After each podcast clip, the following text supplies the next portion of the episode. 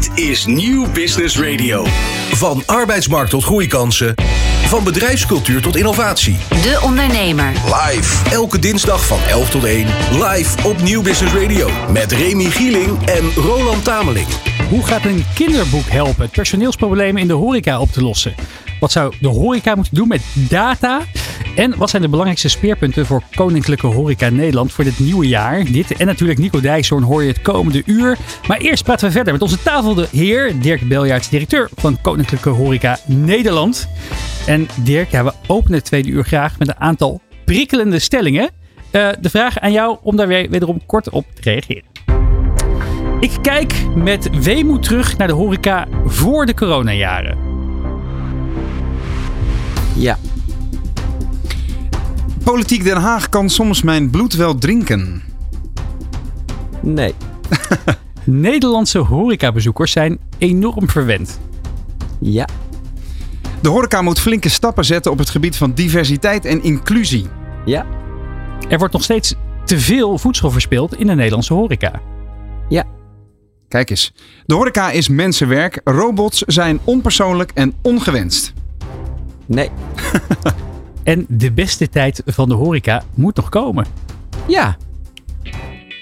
Nou, mooi. Uh, dat, uh, daarover gaan we zo meteen met uh, jou verder praten. Het zou trouwens wat zijn als de algemeen directeur van Koninklijke Horeca Nederland zegt dat de beste tijd van de horeca Nederland achter ons ligt. Hè, jongens, voor de duidelijkheid. ja, dat, dat, is ook wel waar. Maar misschien nog leuk om even, even twee, twee stellingen eruit te pakken. Ja. Die, die, robots. Kijk, dat is natuurlijk, ik kom net terug van de technologiebeurs CES. En daar waren, nou ja, de horeca-robots waren ook alom vertegenwoordigd. Hoe, hoe kijk jij ernaar? Nou ja, kijk, een paar jaar geleden was het een gimmick. Hè? Dan, dan had je zo'n serveerrobot, zeg maar. En dat was dan echt een gimmick. Uh, om, uh, nou ja, voor kinderen of mensen die, die dat echt dan heel leuk vonden. Uh, maar wat we zien met de krapte op de arbeidsmarkt, de demografische cijfers liggen er niet om. Hè. We, we zien dat de komende jaren gaat het eerder erger worden dan, dan beter worden. Dus er zijn minder mensen over de hele linie. Hè, want het is niet de horeca die alleen de krapte heeft, maar dus over de hele linie komen, komt iedereen mensen tekort. Ja. Dus ook voor de horeca hebben we een aantal uitdagingen om daarmee om te gaan. Wij, maar ook de gasten. Dus uh, daar is automatisering, robotisering, is daar natuurlijk wel echt een onder, uh, onderdeel van, waar wij ook serieus uh, naar kijken. Ik denk wel dat het bij je formule moet passen. Hè? Dat je, ik denk niet dat, dat, dat we straks in de libreien een serveerrobot zullen gaan zien, maar misschien voor de wat meer toegankelijke horecazaken, ook misschien wat meer fastfood, is het niet ondenkbaar dat we straks inderdaad gewoon alom uh, het eten en drinken op een uh, per robot geserveerd krijgen. Mag ik hier even een anekdote tegenaan gooien wat ik afgelopen week zag in een restaurant waar ik zat? Dat ja. een, een vrij grote tent waar twee uh, zalen zaten. En de, de bediening liep echt de benen onder de bips vandaan. Maar tegelijkertijd ging er een robotje van links naar rechts, van links naar rechts, vol heen, leeg terug, vol oh. heen, leeg terug. En hij reed één keer tegen de kerstboom aan. Daar hebben we hard om moeten lachen met z'n allen. vol met, uh, met, er stonden een paar uh, schuimtaartstukken op. Dat ging allemaal maar net goed. Ja. Maar daarin zie je volgens mij wel een soort ondersteunende functie Tuurlijk. van robots. Ja. Hè? Maar ik denk nog steeds dat het voor de horeca heel belangrijk is. Net als zo'n zo'n ontvangstrobot bij een bedrijf als je daar te gast bent. Ik vind het verschrikkelijk. Maar uh, dus de ontvangst en de, de, de, de, de, het welkom heten van je gasten zal volgens mij nooit echt worden overgenomen door robots. Hoop ik tenminste ook. Maar die, oh ja, jij, jij denkt van wel, Reen? Ja, zeker. Maar wil je het ook? Ik denk ja, jij waarschijnlijk wel. Ja, ik, ik, ik ook. En ik denk dat we eraan gaan wennen straks. Je hebt nu al een aantal van die robots. Annika bijvoorbeeld heet uit, uh, uit van Engineered Arts, een bedrijf uit Groot-Brittannië. Die kan die menselijke mimiek echt nou, angstvallig goed namaken, ja. ook in het gezicht.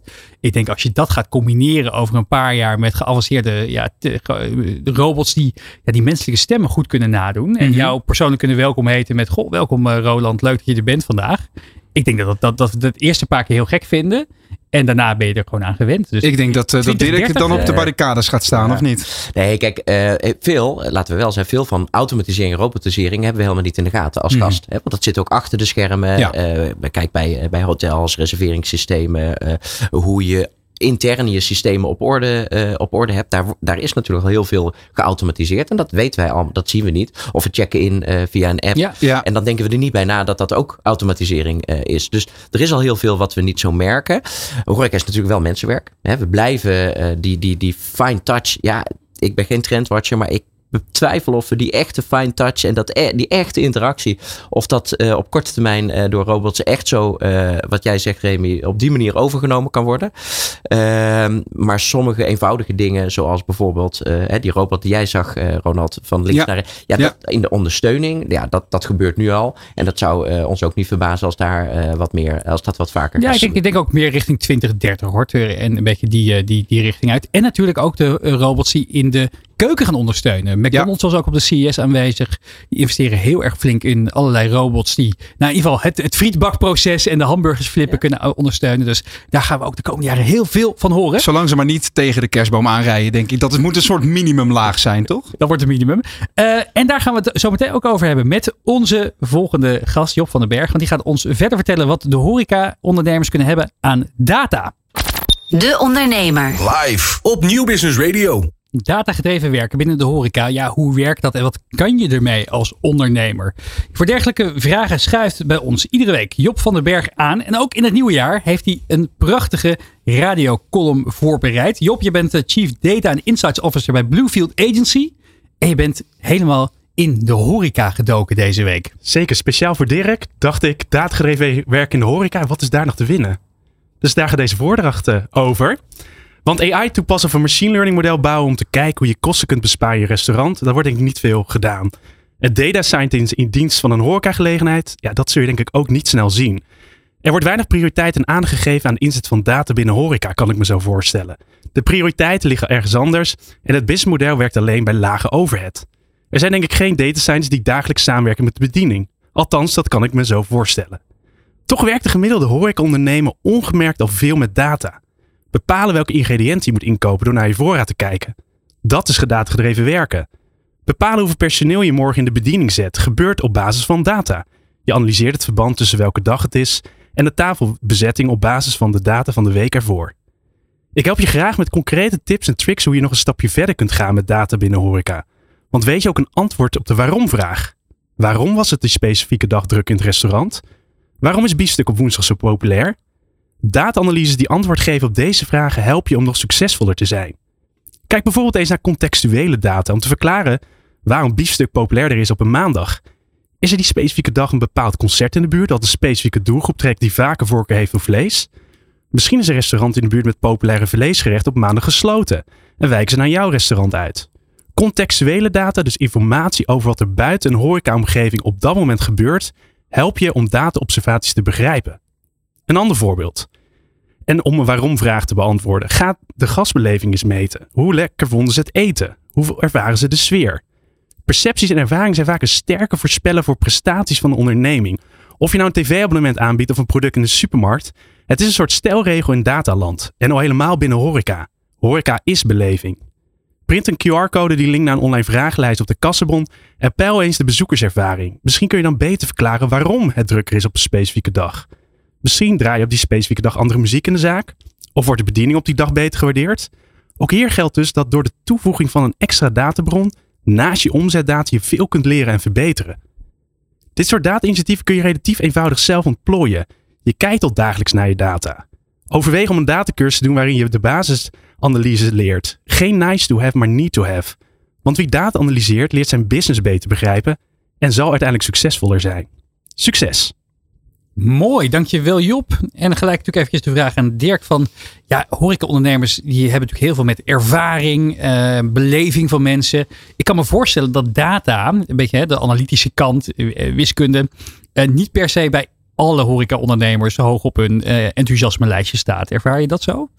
Ja, wisselend. Allereerst dankjewel Job. Uh, prachtig. Uh, ja, het, het, ligt er een beetje aan. Er, er zitten heel veel verschillen uh, binnen de sector. En het klopt, niet iedereen is de hele dag bezig met data. Of hebben niet door dat ze misschien toch wel bezig zijn met data.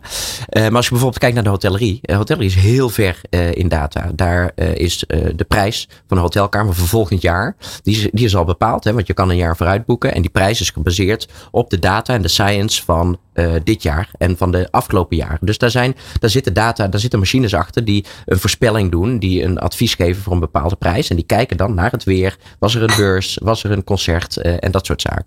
Uh, dus daar gebeurt heel veel. Dus de grote hotelketen, wereldwijde hotelketens, die hebben natuurlijk dat soort tools in huis om daarmee te werken. de enquêtes, de guest satisfaction, dat wordt ook heel veel gedaan. Soms nog met een papiertje bij de rekening. Dan wordt het wordt het wat lastiger, eh, maar heel vaak al uh, digitaal. En dan worden inderdaad uh, soms ook die crossverbanden of die kruisverbanden gelegd met muziek weer. was er iets te doen, was er een braderie in de stad, et cetera.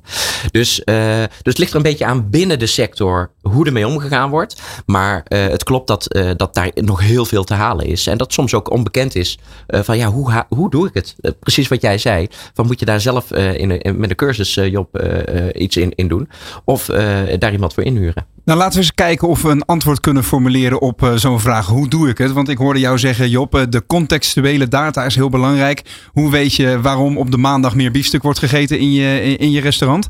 Um, ik kan me voorstellen dat het klinkt uh, voor de ondernemer die luistert. Ja, moet ik dan gewoon spreekwoordelijk gezegd een aantal hengels in diverse vijvertjes hangen en dan maar zien wat er aan de hengel blijft hangen of aan het haakje blijft hangen? Hoe zorg je nou dat je de juiste hengel in de juiste vijver gooit? Belangrijk is om eens na te denken over de aannames die je zelf hebt. Want die ondernemer die weet natuurlijk al heel vaak of er een braderie in de buurt was. Of wat mhm. voor weer het was. Het is alleen vooral nu het feit dat je dat even op papier zet en na gaat denken. Hé, hey, waar kan ik die data vandaan halen? Um, en vaak ligt die data best wel voorhanden. Het weer is bijvoorbeeld KNMI, die daar ook trouwens data openbaar beschikbaar stelt. En de bekende lokale eventkalender, bij wijze van spreken, die kun je dan ook als databron uh, gebruiken. Dus stap 1 is vooral de verwachtingen die je hebt, om die te staven met mhm. data. En dan vervolgens die databron te zoeken, die voor mij best wel vaak voorhanden liggen. Um, het punt is een beetje, ik zie het heel als een glas half vol. Jij ook volgens mij, Dirk. Want hey, wij ook hoor. ja. Wij allemaal, uiteraard. Um, want het punt is, als jij, je hebt ook destijds een boekhoudopleiding of cursussen gevolgd, wat, wat eigenlijk ook daadgedreven werk is. Um, en je hebt gewoon steeds meer cursussen, ook online, die uh, inderdaad, hoe maak je een kruistabel, hoe werk je met relatief eenvoudige uh, datasoftwarepakketten, waar je dat soort kruistabellen en analyses kan doen. En daar kun je al heel veel mee winnen. Dus als daar niet, niet alleen binnen hotellerie, maar breder binnen horeca dat gaan doen, dan denk ik dat daar een enorme stap gemaakt kan worden. Ik uh, heb op de CS ook weer een interessante start-up tegengekomen. Uh, heten ze, zijn uit Utrecht. En zij willen de horeca helpen om voedselverspilling tegen te komen. Met data uiteraard. Wat ze hebben gedaan is ze hebben een camerasysteem opgehangen boven de prullenbakken of de, boven de afvalbakken die de horeca uh, rijk is. En die analyseren vervolgens wat wordt er weggegooid. En die kunnen daar, op basis daarvan een hele goede voorspelling maken van welke afvalstromen er eigenlijk zijn. Zodat horecaondernemers daar hun inkoop veel beter op kunnen aanpassen. Het klinkt allemaal heel logisch ook hè, dat je dat inzichtelijk maakt. Ja, want ja, ik denk dat voor veel horecaondernemers die, die niet de hele dag door in de keuken uh, staan te koekeloeren wat er allemaal gebeurt eigenlijk. Die hebben natuurlijk ook zelf geen idee wat, wat er nou exact allemaal wordt ingekocht? Ik, ik zie jou een beetje twijfelen. Ja, nee, ik heb met ze gewerkt. Ik ken de, ik ken de systematiek. Uh, en uh, het, het, is heel goed om op die manier uh, inzicht te krijgen. Want als ondernemer of als eigenaar, chef-kok, dan weet je donders goed wat je inkoopt. Je doet een voorspelling en als iedereen opkomt dagen, dan, dan gaat het meestal tot de laatste gram op. maar soms is het heel lastig in, in, inschatten. Je weet niet of, of iedereen komt opdagen. Mm Dus het is heel goed. We, in mijn vorige hotel hebben we dat gedaan bij het ontbijt. Daar hadden we soms duizend man ontbijt op een ochtend. En dan ontkom je niet aan dat je waste hebt, dat je, dat je voedsel uh, weggooit. Want je kan nooit voor duizend man op de gram nauwkeurig uh, inkopen. En je wil een heel uh, royaal assortiment hebben. En wat, daar, wat ze daar hebben gedaan, inderdaad, niet alleen met een camera, maar gewoon ook een weegschaal. en daar dat je met een iPad, dus je zegt van oké, okay, ik gooi nu worstenbroodjes bij wijze van, gooi ik in de, in de prullenmand. En die weegt dan het verschil van wat het was en wat het is. En die weet, oké, okay, je hebt nu 100 gram worstenbroodjes weggegooid. Of of eieren of dat soort zaken. Kijk, heel veel in de uh, horeca wordt natuurlijk herbruikt. Hè? Want, uh, dat eitje wat, uh, wat, van het ontbijtbuffet, die kun je nog prima in de salade gebruiken, mm -hmm. bij wijze van spreken. Ja. maar sommige dingen is gewoon ook echt zonde om doodzonde om weg te gooien. En dat maakt dan, en dat is weer die data, daar komt jouw data om de hoek kijken dan krijg je dus veel beter inzicht in de dag van de week tijdstip wanneer dingen weggegooid worden. En dan kun je dus veel beter inkopen. Wanneer ververs je nog wel een item, maar niet. Wat zijn de hardlopers? Ja. En dat gaat je echt helpen. Eh, dus dat is echt iets om, eh, eh, om over na te denken. Als je nog niet doet, heel veel horecaondernemers zijn er al mee bezig. Eh, maar het geeft je hele waardevolle eh, inzichten. Dus eh, absoluut. Het is nog wel even goed om, eh, om- even wat context te schetsen voor de luisteraar en de kijker. Want jij hebt inderdaad tot 1 eh, februari 2019 was jij general manager van het eh vier sterren Novotel Amsterdam City Hotel met 610 kamers, eh, begreep ik. Dus jij hebt ook die opkomst van data heel bewust meegemaakt, kan ik me voorstellen, in die jaren. Eh, wat heb je dan wel gedaan en wat heb je niet gedaan? Nou ja, die, eh, die opkomst die was er al ruim daarvoor. Hè? Want dat is natuurlijk al heel lang eh, aan, aan de gang. En je merkt dat bijvoorbeeld met de guest satisfaction, hè, je, je, je klantwaardering, je gastenwaardering. Ook daar zit een voorspellende waarde. Want die kun je natuurlijk heel goed uitsplitsen over wie is de gast. Maar niet alleen, als we het over kruisverbanden hebben, niet alleen wat vond de gast, maar wie is de gast? En ook hoe kwam die bij jou? Kwam die via jouw eigen kanaal of kwam die via een, kwam die binnenlopen bij spreken? Is het een zakelijke gast? Eh, Is het een, eh, kwam die particulier? Eh, en dat soort zaken. Uit welk land komt, die, komt die persoon? En daarna, dat, dat is al analyse 1. En daarna komt pas de analyse van wat vond de gast. Ja. Dus ook daar met de kruisverband kun je heel veel uithalen om uiteindelijk te, zo- te- je dienstverlening aan te passen en beter te maken. Maar wat zag jij dan gebeuren in jouw ervaring ehm, bij zo'n Novotel toen jullie meer met data begonnen te doen? Nou ja, je ziet dan onder andere dat je de, beter weet welke knop je moet eh, indrukken om die gastbeleving omhoog eh, te krijgen. Mhm. Want je wordt meer gevoed, je wordt meer eh, los van je eigen ondernemersgevoel, want je weet heel veel. En met je hele team weet je ook heel veel. En die ervaring, sommige mensen werken er al 25 jaar, dus dan Ja. weet, weet je bijna alles. Maar nu heb je hem onderbouwd. Maar wat heb je dan specifiek aangepast? Ik ben gewoon even benieuwd. Hè? In de, in de, wat zorgt het, welke veranderingen zie je dan in de praktijk? Nou ja, dan zie je bijvoorbeeld je gastwaardering omhoog. Hè? Dan, ga, dan, ga, je- dan ga je door, eh, door de 8, eh 8.0 en dan ga je... Ja, maar daarvoor heb je iets moeten aanpassen, toch? In, in hoe je met ja, de maar gast dat zijn honderden, honderden dingen geweest. Want je bent de hele dag ben je alles aan het analyseren eh, om dingen aan te passen. En dat is bijvoorbeeld een, een renovatie van de kamers naar voren halen. Hè? Want als je op een gegeven moment merkt dat daar meer comments over komen. En de, de renovatie die staat pas over een jaar gepland. Dan zeg je Ja. oké, nou ja, dan, dan is dat misschien een signaal om die misschien wat naar voren te halen. En dat soort afwegingen. Maar dat gebeurt natuurlijk met zo'n team de hele dag, hele dag eh, door. Ja. Job? Ik kan me ook zo voorstellen dat inderdaad, als je bij bepaalde kanalen, gasten die via kana- bepaalde kanalen binnenkomen, dat die constant minder tevreden zijn dan anderen, kan je ook besluiten van, joh, we gaan niet meer in dat kanaal investeren. Eh, Dus het kan ook een, weet je wel, omdat beleving zo belangrijk is voor jullie product, Mhm. kun je ook soms door dat soort analyse besluiten om wel of niet een bepaalde samenwerking door te gaan. Want als het niet lukt, stelselmatig om die klanten tevredener te krijgen dan anderen, dan kan je ook misschien doen besluiten, nou dan moeten we misschien niet via dat kanaal onze gasten werven. Dus zo'n beleving, wat natuurlijk best wel een zachte indicator, kan misschien juist ook heel erg een investeringsvraag eh, oplossen, kan me zo voorstellen. Misschien, misschien nog één, één laatste innovatie die ik ook ben tegengekomen is, eh, eh, als het gaat over data en, beleving, ook voor de horeca, is dat, ik, dat er een Amerikaanse partij was, die hebben cameraatje in het plafond gehangen. En die kijken inderdaad van, nou, waar zitten op dit moment gasten in het, in het restaurant en is daar, zijn die al een tijdje niet, niet meer geholpen. Hè? Dus eh, die geven dan een seintje aan de bediening van, Briljant. kom, eh, kijk eventjes bij tafel 14. Ja. Want eh, eh, volgens mij eh, eh, eh, ik moet daar even gecheckt worden of ze misschien nog weer wat, eh, wat, eh, wat, wat willen hebben. Mijn vrouw vindt mij altijd bloedirritant als we ergens in een restaurant zitten. Want ik zit bijna altijd de keren te turven dat, dat mensen langs lege glazen lopen. Want ik zeg, je mist omzet. Hallo? Ja. Joe, ik wil niet veel zeggen. Mevrouw, weet je wel. Ja. Maar, maar dat zou dus inderdaad door slimme software een briljante oplossing zijn om ook je conversie gewoon te verhogen. Ja. Ja, in Europa gaan we natuurlijk altijd weer gelijk eh, eh, steggelen over, eh, over privacy, Ja, ja, Ja, ja. Dat is een fijne lijn. Eh, Job, dan misschien nog één laatste datatip voor de luisteraar en kijker. Je bent horecaondernemer, je, je weet er nog niet zoveel vanaf. Wat is een eerste stap die je zou kunnen nemen? Begin eigenlijk met hetgeen waar je altijd al doet. Die financiële data, die personeelsbezetting data. Weet je, de standaard databronnen waar iemand in de horeca naar kijkt. Gebruik dat als vertrekpunt. En ga dan eens kijken, hey, wat voor data kan ik daaraan koppelen en toevoegen. Want dan begin je al eigenlijk met hetgeen wat je al dagelijks of wekelijks doet. En dan ga je vanuit daaruit voortbouwen. En denk dan vooral na, hey, waarom zie ik bepaalde observaties telkens terugkomen? En dat is een interessant vertrekpunt om data toe te voegen. Want dan ga je echt leren begrijpen hoe je business kunt verbeteren. Volgende week ben je terug met een nieuwe datacolumn. Dankjewel voor je inzichten vandaag. Job van den Berg van Bluefield Agency. De Ondernemer De Ondernemer live. op Nieuw Business Radio. Ja, personeel in de horeca blijft een groot probleem. Hoe gaan we dat oplossen? Nou, dan moet je vroeg beginnen.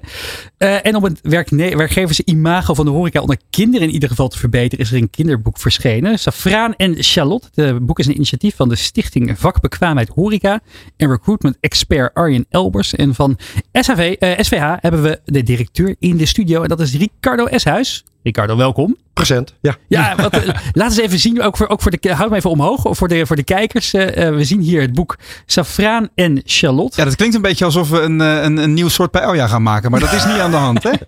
Is wel een deel van het recept dat erin zit. Echt waar? Hoe mooi. Kijk. Ja. ja. nou, goed, goed gegokt in dit geval, Roland Tameling. Wat, Ricardo, vertel is hoe, hoe zijn jullie tot dit concept gekomen? Wat, wat, waar, bij welke, wie had het, dit, dit briljante ingeving? Ik uh, begin bij het begin. Ik zat op een zondagochtend uh, televisie te kijken. Als je geen leven hebt dan, uh, en, en, Ajax speelt niet. Ja, dan ah. kijk je op zondagochtend televisie. Ja. en toen kwam ik langs een recruitmentprogramma. En daar maakte een, een kerel een opmerking. Als je mensen liefde voor iets wil bijbrengen, dan moet je daar vroeg mee beginnen. Zo vroeg mogelijk. En die vind ik interessant uh, werd getriggerd. Want in de horeca hebben we heel veel voorlichting en dat soort zaken. Maar niet voor een hele jonge doelgroep. Dus ik heb contact gezocht met die man, Arjen Elbus. En ik heb hem uitgelegd wat voor uh, problemen wij ervaren in de, in de horeca. En dan zei hij, ik bel jou terug. Ik ga erover nadenken, ik bel jou terug. Nou, vier dagen later belde hij terug. Wat vind jij ervan als we een kinderboek gaan maken? Nou, heb ik nog nooit gedaan, dus ik denk dat ik het kan. Uh, dus we gaan uh, een verhaal maken. De Pippi Lankhuis methode. Ja. Exact, ja. exact. En waar begin je dan? Uh, het, het begint met een, een idee van uh, hoe, hoe ga je nou duidelijk maken dat het werken in, in die horeca leuk is. En hoe haal je dat nou zo dicht mogelijk bij een kind?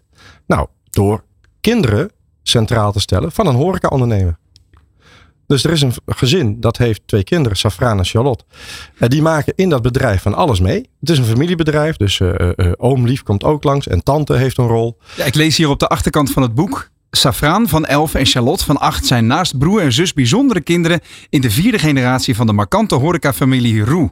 Ze werken deze zomer mee in hun bekendste en meest bijzondere restaurant Het Zwarte Schaap. En hier is niets zoals normaal.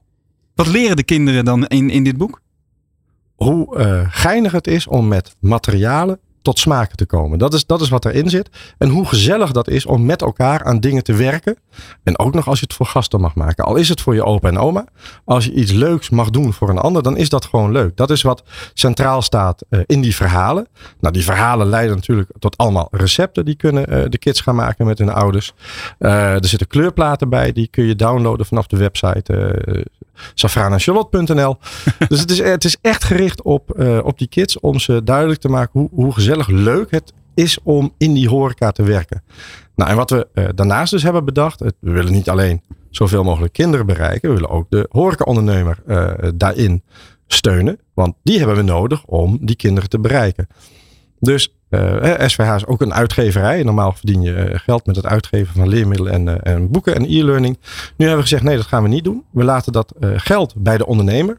Die kan het bij ons inkopen tegen kostprijs. En voor een tientje meer verkopen in het restaurant waar die gezinnen toch komen. Oh ja. En uh, dan aan het gezin zo'n boek verkopen. Dus dat is hartstikke leuk. Daar hebben we Dirk ook voor nodig. Daarom hebben we Dirk gisteren het eerste exemplaar overhandigd. En hem voor het blok gezet. Joh, jij gaat ons toch meehelpen? Nou, ja. dat was een volmondig jaar. Ja. En uh, Florentine, die net in de uitzending was die, van de Horecava. Die hebben nog iets meer voor het blok gezet. Dus uh, daar, daarvan hebben we gevraagd om medewerking om op 17 maart zoveel mogelijk kinderen de horeca in te krijgen. Om aan het werk te gaan. En waren dan 17 maart, dan is het Nationale Pannenkoekendag. En hoe leuk is Iedereen vindt pannenkoeken leuk en. Ja, wij kunnen. Nou, top. uh, zorg ervoor dat je kids uh, uh, via de basisschool in een restaurant aan de slag gaan. Want dan gaan ze voor jou pannenkoeken bakken of ze komen ze bedienen. Of ja, als je ook geluk hebt, dan mag je ook nog meehelpen afruimen en schoonmaken. Maar dan is de bedoeling op die dag zoveel mogelijk kids via het basisonderwijs in restaurants aan de slag te krijgen om gezellig pannenkoek te maken. Dirk, even naar jou, want je hebt dit boek inderdaad in ontvangst genomen gisteren, het eerste exemplaar. Hoe, uh, wat, wat was jouw eerste reactie hierover? Nou ja, e-, de eerlijke eerste reactie uh, is dat ik een beetje aan, uh, aangedaan was. Want ik vond het, je hoeft dit niet te doen. het is ook niet de normale lijn van, van de, de normale zaken die je, die je oppakt met, met het team. Ehm, en ik vond het heel mooi, want dit is zo de kern en zo slim om juist de kinderen uh, mee te nemen in dat verhaal. Dus ik heb er echt heel veel, uh, dat, dat kwam, dat heb ik jou nog niet kunnen vertellen. Dat, dat besef kwam, kwam later. Maar ik was een beetje aangedaan. Ik denk, ik vind het zo waardevol dat we het op die manier bekijken. Want ook uh, vanuit Koninklijke Horeca Nederland, hè, wat we, waar we het net over hadden, zijn we bezig met die krapte op de arbeidsmarkt. En wat wij willen, wat wij niets liever willen, is dat als jonge kinderen aan tafel zitten bij papa en mama en ze zeggen, nou, wat wil je laten worden? En ze zeggen in de horeca, dat ze zeggen, nou, fantastische keuze. Want dat is een vak. Daar kun je doorgroeien. Je kunt je eigen onderneming starten. Je kunt manager worden. Je kan je hele carrière blijven leren. En dat, dat eh, is het uitgangspunt. En dat is nu niet, helaas, niet altijd zo. Nee, want daar wil ik het over hebben met jullie. Want ik was uh, afgelopen maand in zowel Parijs als, als Londen. En het viel mij op hoe verschillend de ja, horeca-mentaliteit daar is in Nederland heb ik toch vaak het idee dat hè, als je uh, in de horeca komt, dat er een paar studenten zijn die dan al niet tegen hun zin daar achter, uh, achter de bar of aan tafel komen. Ja. En in die steden, als je bij die restaurants kwam, dat echt mensen die, die, die al, al, al 10, 20, 30, 40, soms 50 jaar daar met hart en ziel in die, in, die, in die zaken staan. En met veel trots ook daar staan. Ik had het idee, dit, dit kom ik in Nederland eigenlijk zelden tegen. Hoe, waar komt dat verschil vandaan, denken jullie? Met die cultuur misschien hè, in Engeland of Frankrijk en wat we hier in Nederland hebben? Nee, daar hadden Ricardo en ik, eh, en ik het gisteren ook eh, over. Want dit is, dit is eh, een goed voorbeeld. En je hoeft niet zo ver, want in, in Duitsland zie je dat, zie je dat ook. Hè? De, de trotse kelner van 60 die daar nog in volle ornaat de gasten bedient. Um, ja, waar, dat, waar de oorsprong daarvan ligt, dat weet, dat weet eigenlijk niemand. Dat is natuurlijk jaren zo, zo gegroeid. Ja. maar dat, dat het een vak is, is is, gewoon een feit. Hè? Dus het is niet, uh, de kern is niet anders. Uh, de manier waarop uh, soms de bezetting samengesteld wordt, is, is, is, wel wat, is wel wat anders. En dat is nou net de opgave waar we voor staan. Dat doen we met partners als met, met, met, met de SVH. Dat moeten we vooral zelf doen als horecaondernemers. Hè? We moeten dat ook laten zien in goed werkgeverschap. daar zie je dat dat niet alleen de generatie andere behoeften heeft dan, dan een paar jaar geleden. maar dat je er ook gewoon als ondernemer anders mee om kan gaan. We, krijgen heel veel positieve reacties van ondernemers die eigenlijk geen roosterproblemen hebben. Die bijvoorbeeld hebben gekozen om hun personeel eh, vier dagen hard te laten werken, maar dan ook drie dagen hard vrij. In plaats van, uh, van uh, vijf, uh, vijf dagen en dan wel heel hard en dan twee dagen. Nou ja, dan, dan maar een halfje, want als je toch nog een paar uur kan, dan heel graag. maar ook bijvoorbeeld teams die hun eigen rooster mogen bepalen, dat ze onderling kunnen, kunnen wisselen. Ja. ik heb zelfs ondernemers gesproken die de kerstdagen gesloten zijn om ook hun personeel gewoon rust te geven. Zou je kunnen zeggen dan dat de menselijke factor terrein wint in, in, in de horeca? Ja, eh, ja, en in ieder geval de, uh, het, begrip dat uh, onze mensen het belangrijkste zijn wat we, uh, wat we hebben. En dat je daar heel goed voor moet zorgen. Dus en Ricardo, als jij dan daar even over nadenkt. Van de, uh, hoe komt het, de, denk jij dat er dus in sommige landen het, het, inderdaad nog steeds als een vak wordt gezien. En ook dat, dat mensen daar met veel trots hun hele carrière uh, staan. Hè, om, om zo'n zaak te runnen. Om uh, mensen een, een, fijn en gastvrij gevoel te geven. Ja. En dat het toch ja, in Nederland een beetje een soort managementverheerlijking is. Iedereen moet maar een soort van manager worden. Want dan ben je geslaagd in het leven. En op die Hè, die kelner van, van 60 wordt misschien door sommige mensen een beetje op neergekeken. Hij doet nog steeds hetzelfde werk. dat gevoel. Precies. Hij doet, ik, sta zelf ook geregeld achter de bar. En de, de, de op één na meest gestelde vraag is dan: wat doe je overdag? Ja, dat is, dat is zo, de meest gestelde vraag is trouwens, mag ik vier bier? uh, maar als je, uh, als, je, als je daar even het vergrootglas op legt. Je had het net over het ondernemersklimaat. Ja, als ik dan kijk naar andere landen. Dan uh, hebben we dat toch wel iets te maken met een veel lagere belasting op arbeid. Nou, tot zover mijn technische verhaal. De, mm -hmm. de rest is voor Dirk. maar het, het heeft ook inderdaad met trots te maken. Uh, en dat moet je inzichtelijk maken. Want er zijn wel degelijk mensen die hun hele leven in de horeca werken. We hebben gisteren nog uh, een, een, leermeester op het schild uh, mogen hijsen van de horecagroep uit Leiden. Zo'n man die in zijn carrière is nu 15 jaar executive chef van verschillende bedrijven. En heeft in die tijd 45 leerlingen opgeleid, waarvan een deel nog in hetzelfde bedrijf werkt. Ja, dat, dan doe je echt iets goeds. en dat soort mensen moeten we juist naar voren halen om te laten zien dat het en een vak is, maar dat je er ook gewoon echt op een normale manier oud in kunt worden. Maar voorwaarde is wel, hè, wat Dirk steeds op hamert, goed werkgeverschap om ervoor te zorgen dat je dat kunt bereiken. Dirk, je bent zelf uh, ooit opgeleid aan een hotelschool in Maastricht. Ik heb zelf genoeg gehad om een aantal keer les te mogen geven. Ontzettend leuke ja, uh, opleiding. Uh, iedereen zit er echt met hart en ziel voor de, voor de, voor de horeca. Denk je dat, daar, dat die mentaliteit die je daar hebt opgedaan, dat we die op een of andere manier ook wat meer in, in, in andere opleidingen zouden kunnen, kunnen krijgen. Om inderdaad ook meer mensen te enthousiasmeren voor het vak. Nou ja, kijk, als je al de keuze maakt om naar een uh, ho te gaan of naar een ROC, uh, naar een middelbare hotelschool, dan ben je al bezig met, uh, met liefde voor de horeca, voor, voor het vak. Voor hospitality. Voor hospitality. Dat, dat, dat is heel goed. Wat je nog wel ziet, is dat er ook helaas veel mensen, omdat het ook wel een brede managementopleiding is, dat veel mensen niet de horeca ingaan. Dus die stromen uit naar andere ja. sectoren. En, en andere sectoren die weten niet hoe snel ze erbij moeten zijn om de hotello's in dit geval naar zich toe te trekken. Ze want zijn die, extreem geliefd ook bij van Ja. alle bij consultancybedrijven, hè, voor de uiteindelijk eventmanager bij enorm bij, bij, bij grote advocatenkantoren Ja. bijvoorbeeld. Ja, zeker. En zij ook erg geliefd in de horeca. Eh, dus wij willen natuurlijk graag eh, zorgen dat, dat ja, je hoeft niet de sector uit eh, om, om een mooie carrière te maken. En, Ja. en, en de ROC's, want daar, dat is de gros van de, de BOL, de BBL-opleiding. Misschien iets te, iets, iets te technisch. Maar daar komen de, de meeste mensen, leerlingen vandaan die instromen. En daar zie je ook dat het eigenlijk het aantal gediplomeerden eh, die eh, de horeca instromen, dat dat steeds eh, minder wordt. Dus dat er steeds meer ondernemers mensen aannemen zonder een diploma op Mhm. het horecagebied. En dan zeggen van nou, dan gaan wij jou het vak leren. Wat op zich niet slecht is, want dat kan. En SVH heeft daar alle tools voor om, om, om, Ja. om, om je mee te nemen. Ook met, met leermeesters die die leerlingen of die starters gewoon echt goed kunnen begeleiden. Dus het is er wel, alleen het is wel zorgelijk dat de instroom eh, eh, minder wordt in plaats van meer. Want ja, de, de vraag is er wel. Ja. Dat is ook demografisch, hè? Ja. Minder jongeren en minder mensen kiezen nu voor het MBO. Dus steeds meer HAVO in het algemeen. Ja. Dus we moeten als sector wel aan de slag om zelf mensen op te leiden. Nu is het boek daarvoor eh, dat ik in mijn handen heb, Safraan en Charlotte, een bijzonder sympathiek eh, initiatief hè, om, dat, eh, om de jeugd aan boord te krijgen. Maar nog even de advocaat van de duivel. In hoeverre weten we nou dat dit effectief gaat zijn als je zo vroeg dat zaadje plant dat het ook daadwerkelijk een horecaplant gaat worden? Eh, weet je hoeveel eh, bedrijven geld besteden aan uh, sterreclame en hoe je dat meet? Ik weet het niet. Nee. Ik weet wel als je het niet doet, dat het sowieso geen effect heeft. Nee. Dus 17 maart moeten we er staan met z'n allen. 17 maart moeten we staan met z'n allen. We hebben een eerste oplage gemaakt. En de uitdaging is om die in het eerste kwartaal er doorheen te krijgen. Hoeveel zijn dat er? Dat zijn er zo'n 3000. Gaat lukken. Nu zag ik toevallig in Amerika afgelopen week dat er ook heel veel mensen van, van, van zeer senioriteit achter de, achter de bar staan. Echt mensen van, van, van, van 70 plus vaak wel is. Is dat nog een trend die we ook in Nederland zien? Nu mensen ook, hè, ook graag op latere leeftijd nog willen blijven werken?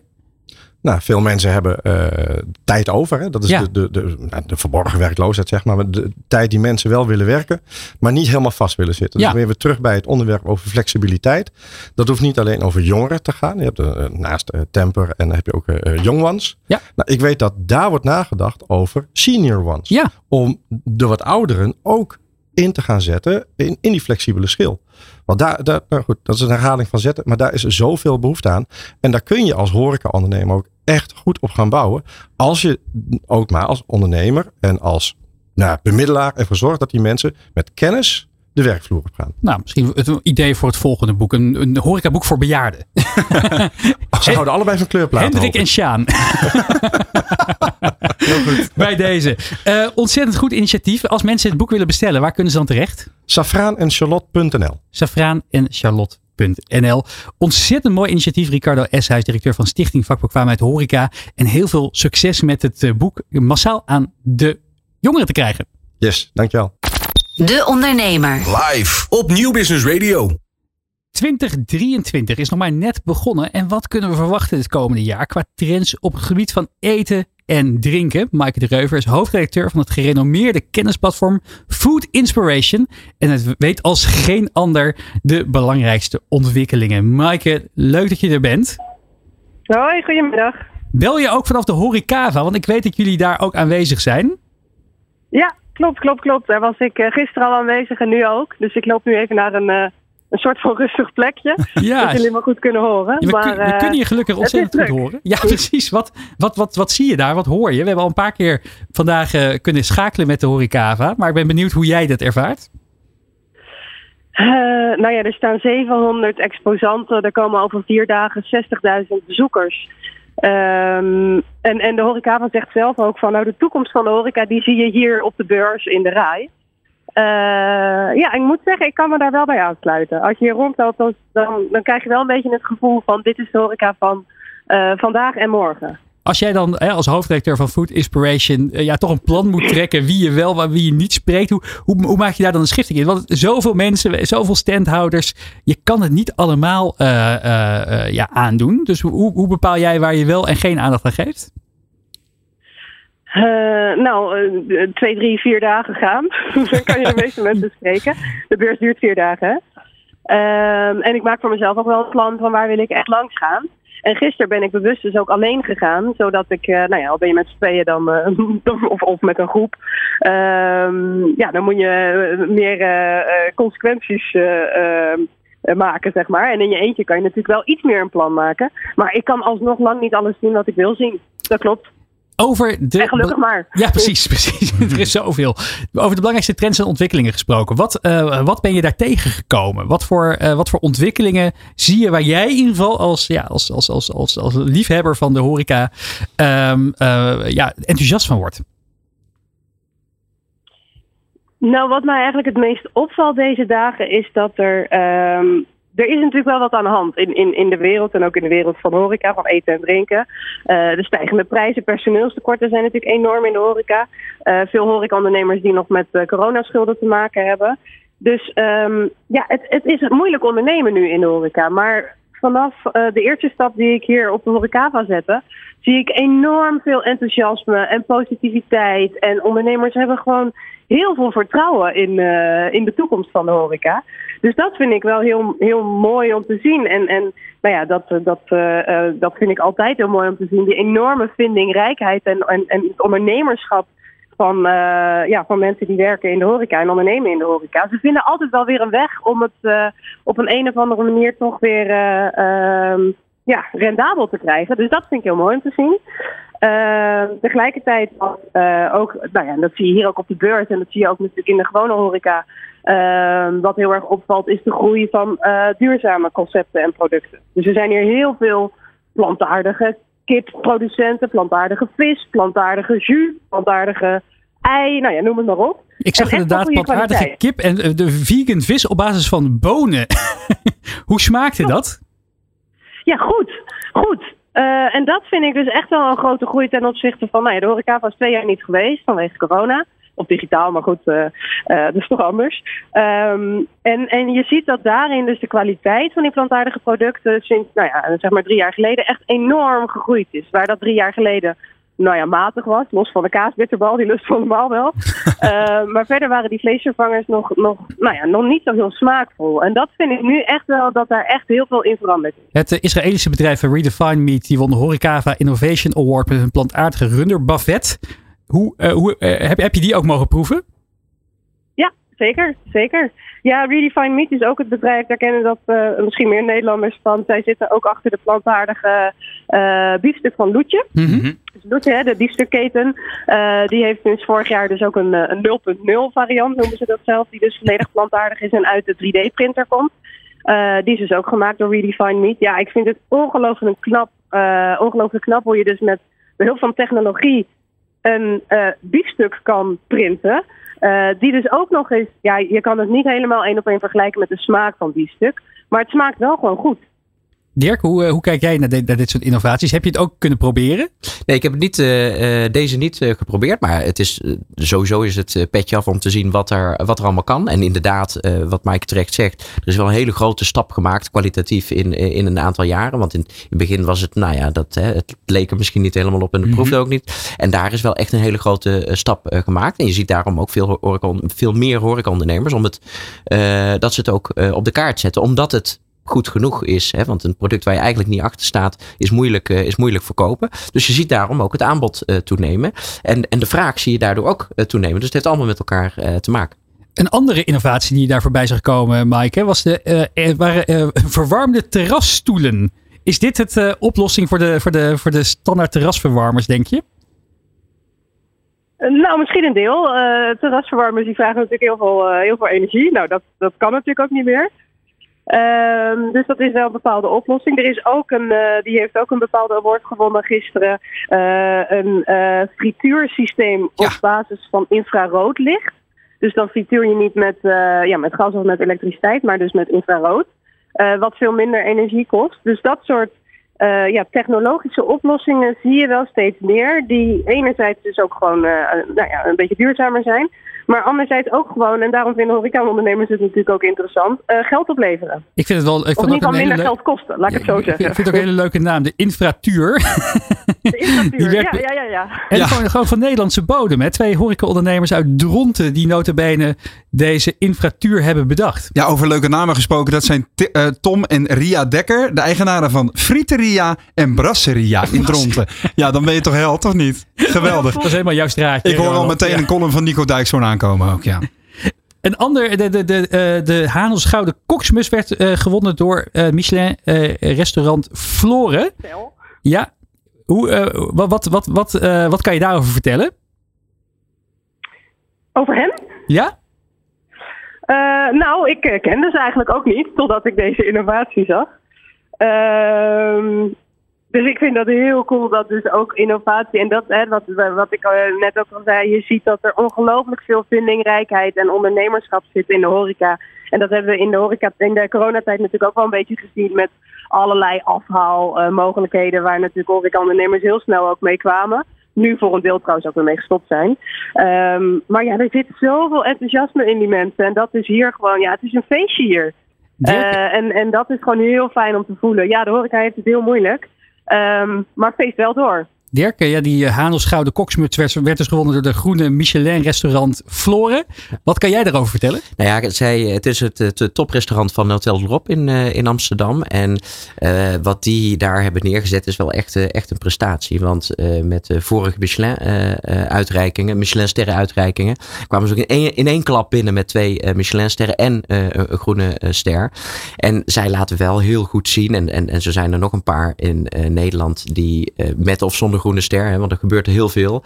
Zij laten wel echt zien hoe je met lokale producten, zelfs zonder zuivel uh, bij, bij Floren, hoe je met uh, lokale producten gewoon prachtig op heel hoog niveau, dat blijkt dus, op heel hoog niveau kan, kan, kan koken. He, dus als het gaat om uh, vleesvervangers, als het gaat om geen zuivel gebruiken. Er zijn zoveel manieren waarop we onze footprint een beetje kunnen helpen, maar, en toch op topniveau kunnen eten. En, en dat laten ze daar zien. En dat is wel heel mooi, want uh, minder vlees hoeft niet slecht te zijn. En uh, vleesvervanger kan prima smaken. En meer groente is ook echt niet ongezond voor je. Dus dit is, dit, deze Champions League, jongens, die laten gewoon zien hoe, hoe dat dus kan. Maaike, jij was ook te gast bij een volledig circulair restaurant genaamd Thuisbasis. Een pop-up restaurant. Wat, wat kan je daarover delen? Nou, ook die chef kookt volledig uh, uh, plantaardig en, en ook circulair. Dus hij bedoelt daarmee dat hij eigenlijk ook geen, uh, ja, geen waste heeft, geen verspilling. Mm -hmm. um, hij serveerde onder andere gekarameliseerde bananenschil. Dus dat je zelfs de schillen van een banaan nou ja, verwerkt en, en, en opeet. En dat smaakte, ik had dat niet eerder geproefd, maar het smaakte echt goed. Um, en bij, dus bij hun staat ja, ook knolselderij centraal. Tegelijkertijd, terwijl wij daar zaten, dat vond ik dan wel weer bijzonder, uh, kwam bij ons het bericht binnen dat uh, restaurant Noma, uh, vaker meerdere keren uitgeroepen tot beste restaurant van, van de wereld in Kopenhagen, die maakte gisteren bekend dat ze gaan stoppen. Ja. Binnenkort. Uh, omdat zij zeggen van ja, de manier waarop wij. Uh, dus zij, zijn, uh, zij hebben ook helemaal een duurzame filosofie. Maar ze zeggen ja, de manier waarop de horeca omgaat met personeel is totaal niet duurzaam. Uh, hè, lange uren, heel veel staan, uh, onderbetaald. Uh, nou, toch nog veel chefs die tegen hun personeel schreeuwen in de keuken. En, nou ja, en Noma zegt dus, wij doen dat zelf ook, geven ze toe. En ze zeggen dat kan niet meer. We willen dat niet meer. En als voorbeeldrestaurant uh, ja, moeten we daarmee stoppen. Dus zij stoppen ook letterlijk met die zaak.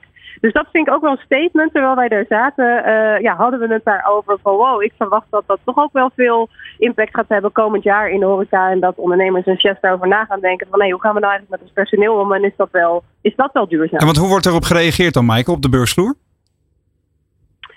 Uh, nou, toch wel uh, veel herkenning. Dus dat toch wel veel ondernemers inderdaad aangeven van ja, ja. Nee, ja, wij, wij, wij, draaien inderdaad ook op stagiairs die we nou ja, onderbetalen. Dat, dat, dat, dat is een soort van legaal in Nederland. Hè? een, ja. een stagevergoeding die, uh, nou ja, die weinig voorstelt. Dus het is niet illegaal, maar is het menselijk? Dat is wel de vraag. Hè? En, uh, ja, lange uren en, uh, Het is niet voor niks dat er zoveel mensen natuurlijk tijdens de coronatijd uitgestrand zijn en niet teruggekomen zijn. Dat ze zeggen, ja, ik kan in andere branches meer verdienen en ik hoef veel minder hard te werken. Dus de horeca moet zich daarin wel echt opnieuw gaan uitvinden. En kijken van, hé, wat zijn nou de wensen van met name jonge mensen? Ja, die willen een betere werk-privébalans dan een aantal jaar geleden. En toen ehm, eh, was er minder werk.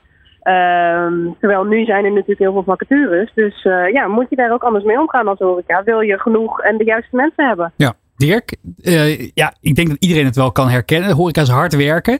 Tegelijkertijd hebben we al zo'n grote personeelsproblemen. Dan moeten we ook nog eens mensen inderdaad minder, minder gaan inzetten. Hoe, ja. hoe, hoe, moeten we die balans gaan vinden? Nou ja, kijk, ik, ik weet niet of Maaike de sector een grote dienst uh, bewijst. Want zo, uh, we moeten niet een horror scenario creëren. Mm -hmm. Maar wat we wel weten is dat we gewoon een echt wat stappen te maken hebben. Hè. Dat, dat, is, dat is gewoon zo. Dat erkennen we. Dat moeten we gewoon ook met elkaar blijven uitdragen. Vandaar ook de voorbeelden hè, van goed werkgeverschap. Dat ondernemers uh, van elkaar zien dat als je bijvoorbeeld uh, je personeel vier dagen laat werken en drie dagen vrij laat zijn, dat dat heel veel doet met de veranderende behoefte van meer, uh, meer tijd voor privé, andere zaken. Ja, maar, maar hoe moeten we dat doen? Want er zijn al geen mensen die moeten ook nog eens minder gaan werken. Bijvoorbeeld inderdaad vier dagen in plaats van vijf.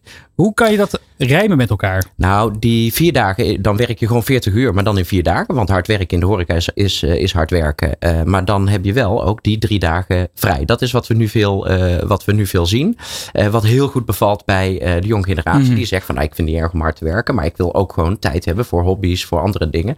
En als je dan drie dagen vrij hebt en ook in het weekend, hè, zodat je niet elk weekend het huisje bent. Dat je ook gewoon vakanties kan opnemen. Dat je een keer met kerst vrij bent. Weet je, die balans terugvinden. Want ook ik kom, ik ben niet zo oud, maar ik kom ook nog wel van de oude school. Van hard werken, zes, zeven dagen, dat, dat hoort erbij. Niet zeuren, mm -hmm. we betalen uit een kennis. Weet je, dat, dat ja, dat kon, ja, dat kon vroeger. en vroeger vonden we dat dus heel normaal, want wij zijn ook allemaal groot geworden. Alleen de tijd, de wereld en de wensen veranderen. En daar moet je gewoon in mee. Maaike, de beurs Horicava is er nog tot met donderdag. Wat, waar kijk je nog naar uit? Wat, waar, waar, wat ga je met, ja, wat wil je gaan bezoeken nog? Uh, ja, uh, er zijn uh, volgens mij tien hallen. Ik heb ze gisteren nog niet eens allemaal aangedaan en vandaag ook nog niet. Ehm, dus ik vind het gewoon heel leuk om hier rond te lopen. Er zijn natuurlijk ook heel veel bekenden. Dus het is naast dat er heel veel innovaties worden gepresenteerd, ook gewoon een, ja, een bijna een soort van hele grote nieuwjaarsborrel voor de horecabranche. Um, dus ik ga zo meteen gewoon weer lekker meeborrelen. Hartstikke goed. Heel veel plezier daar nog de komende dagen op de horeca in de Rij in Amsterdam. En mocht je inderdaad, net als Maaike, willen opsnuiven wat voor horeca-innovaties er allemaal gaande zijn daar. Uh, dan, dan zijn de kaarten nog te koop, hoorden we vanochtend van de Florentien, de directeur van de horeca. Van Michael, en bedankt voor je toelichting. En uh, wat ik al zei, heel veel plezier. De Ondernemer. Live op Nieuw Business Radio. Ja, voldoende kansen nog voor de horeca. Maar ja, hoe kijkt de huisdichter Nico Dijkshoorn naar ja, de gemiddelde bistro in de stad? Hij deelt ook in het nieuwjaar wekelijks zijn tegendraadse ideeën. Dus we gaan luisteren naar de radiocolumn van Nico Dijkshoorn. Ondernemertjes. Wanneer ik een echte ondernemer zou zijn geweest, dan zou ik hier vandaag een beetje hebben gelogen. Ik zou op voorhand dol enthousiast zijn geweest over de horeca. Wat een schitterende bedrijfstak waarin eigenlijk alleen maar mensen leven. Die op aarde zijn om een andere mensen zo'n prettig mogelijk stukje broodbeleving te gunnen. Wat moet het heerlijk zijn om bijvoorbeeld in een restaurant te werken van een twee-sterrenkok. Die je het hele jaar met een riem op je rug slaat tijdens het koken. Om die felbegeerde derde Michelinster binnen te slepen. En daarna Vier jaar later, hier in de studio van de ondernemer, weer het verhaal van de chef-kok die bezweken is onder de druk van de Michelinsterren en die teruggaat naar de basis met zijn houten schuurrestaurant vlak naast het dorpje Oude Schapenma, waar hij alleen nog maar Tosti's hamkaas verkoopt. Maar ik hoef helemaal niet te liegen. Ik ben, net als Dirk Beljaarts, dol op horeca. Als ik geen zoon, maar een tweede dochter had gekregen, dan zou ze Horecaatje Dijkshoorn hebben geheten. De liefde is er, zoals bij alle aanwezigen in de studio, met een paplepel ingegoten door mijn vader, die misschien na André Hazes wel de grootste horecabezoeker van Nederland was. Ik herinner mij een kleine arbeiderswoning in Amsterdam, ergens in de pijp. En mijn vader die drie keer van de derde verdieping naar beneden rolde, omdat hij op de Horecava in de Rai weer de hele avond gratis bier had staan zuipen als een zogenaamde vertegenwoordiger van de niet bestaande organisatie Alcohol doet meer voor je dan je denkt. Nu, na deze uitzending denk ik, was er voor mijn vader ook maar een kinderboek geweest waarin de horeca wordt uitgelegd. Wat een ongelooflijk fijn idee. Het kinderboek Safraan en Charlotte, waarmee op listige wijze in kinderhoofdjes wordt gekropen. Een totaal nieuwe tijd breekt aan. Jongens willen, na het lezen van dit boek, geen Formule 1-rijder meer worden. Maar zij dromen na het lezen van het boek opeens van eerst twee jaar afwassen in een grillrestaurant en dan langzaam opklimmen. Waarom ben ik als schrijvertje niet op dat idee gekomen? Ik had al zeker drie horeca kinderboeken kunnen schrijven. Bijvoorbeeld Peter en Celie en het geheim van de doorbakken biefstuk. Stoof en peer. Ze bakken ze bruin. En natuurlijk de onverbiddelijke bestseller Hammy en Burger en het geheim van de niet te vreten groenten. Een heerlijk initiatief. Dan een paar vraagjes aan Horecava-directeur Florentine Rijksman. Als u het goed vindt, dan houd ik toch even een paar ideetjes tegen u aan. Die QR-code op de tafeltjes waarmee je op je mobiele telefoon het menu kunt zien. Kan die niet zo worden ontworpen dat bejaarden een keertje niet denken dat er een minuscuul schaakbordje op tafel staat en dat de schaakstukken ontbreken? En dan nog iets over het idee ooit door u geopperd om meer robots in te zetten in de bediening. Is het niet juist een leuk idee om als een restaurant oma's gehaktbal of oma's stoofvlees op de kaart heeft staan, dat dat gerecht ook wordt geserveerd door een 96-jarige bewoonster van rusthuis De Dood? Daar zijn mensen van nu naar op zoek. Authenticiteit en normaal eten. Ik wil ook heel graag als het kan het saladebuffet weer terug. En dat ieder café of restaurant minimaal 12 stoel of krukken moet bekleden met koeienhuid. Voor die heerlijke jaren 80 Argentijnse steekervaring. Het mag allemaal wel wat minder verfijnd. Laten we nou ook eens een keer eerlijk zijn in de horeca. Ja, een kom Zuid-Koreaanse feu, door de meeste Nederlanders trouwens uitgesproken als po. Dat is natuurlijk gewoon een sterke drinkbouillon waar je zelf de ingrediënten nog in moet pleuren. Groentesoep, maar dan voor hipsters. Verbied dat. En dat is mijn goede raad vandaag. Maak het allemaal wat ruiger en minder verfijnd. Sla gewoon een klant weer eens keihard op zijn wang als hij zegt met witte lijst erbij graag. Ga niet op de knieën voor boeren lullen die uw zaken bezoeken. Maak het ze zo moeilijk mogelijk. Schrik alle proleten die nu gebruik maken van uw onderneming af. En u krijgt eindelijk weer eens klanten in de zaak die witte wijn niet uit de fles drinken. Ondernemertjes, succes! Nico Dijkshoorn. Fijn dat hij deze, dit seizoen ook gewoon weer iedere week eh, op een on, onnuchterende wijze... Ja, we schrijven nuance weer met een uh, hoofdletter. Hè? Dirk? Ja, dit is heerlijk, hè? Dus genieten. Ja, maar ook wel wat, uh, wat nou ja, in ieder geintje zit een seintje, zeg maar. Terug naar de basis. Ja, maar dat, dat, dat, zie je in heel veel uh, zaken zie je dat gebeuren. Dat er rauwe, ruwe ingrediënten, dat het ook verteld wordt. Dat het ook een ingrediënt van uit de buurt is. Dus dat zie je, dat is ook wel een trend die je al een paar jaar ziet. En sommige, sommige mensen vinden het heerlijk om een, een, beetje voor de gek gehouden te worden met een mooi verhaal.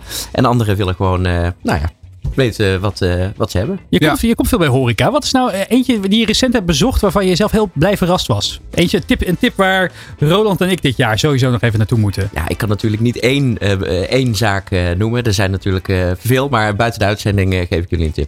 ja, en ik wil nog even terug naar het begin van de uitzending. Want... correct dit aan het eind van de afzending. Ja, maar we hadden het nog even over dat, dat je, die, we vroegen je aan het begin van de uitzending van, is er een Hongaars restaurant? Want je bent honorair consul van, van Hongarije in Nederland, hè?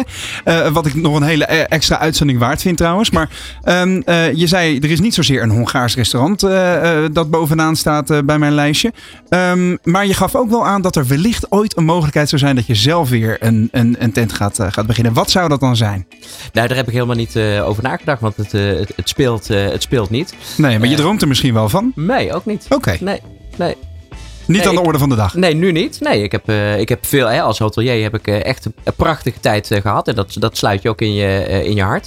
En nu volle vaart vooruit voor KN. Niet uiteindelijk dieren met een bed and breakfastje op de Veluwe, Nee. Die twee dingen gaan volgens mij zo, sowieso eh, niet samen. Zo snel gebeuren. Nee, nee, nee. Nee. Er zijn maar weinig B&B-houders die rentenieren volgens mij. Dat is keihard werken ook. Nou. Dirk, hoe heb je het eh, ervaren de afgelopen twee uur? Ja, fantastisch. En leuk om al die eh, verschillende onderwerpen en de gasten eh, voorbij eh, te horen te zien komen. Eh, en, de, en de inzichten ook, denk ik, voor, eh, voor de luisteraars. eh, de, de, de trends, eh, nou ja, wat we ook eh, live van de beursvloer. Eh, mooie, gevulde, gevarieerde uitzending. En ga je nu weer terug naar eh, de, de, de beurs om die Israëlische runder Bavet te proberen, die die innovatieprijs heeft gewonnen daar? Nou ja, dat vind ik geen slecht idee. Geen Zeker. runderbavet, hè? Kunstmatige bavet. Kunstma- ja, nou goed, het, mens, een mensbavet. De mens, mensbavet. Een heel ander restauranttype waar, eh, waar we nu over eh, eindigen. Het zit er ook weer op. Hartelijk dank voor het eh, luisteren naar De Ondernemer Live. Volgende week dinsdag zijn we er weer van 11 tot en met 1. Terugkijken en luisteren kan via YouTube of je favoriete podcastplatform. Dit programma werd mede mogelijk gemaakt door Nederland Wijnen, MKB Brandstof en Bluefield Agency. Dit was De Ondernemer Live. Mijn naam is Remy Gieling. En ik ben Roland Tameling. En heel graag tot volgende week. Van arbeidsmarkt tot groeikansen. Van bedrijfscultuur tot innovatie. De Ondernemer. Live. Elke dinsdag van 11 tot 1. Live op Nieuw Business Radio.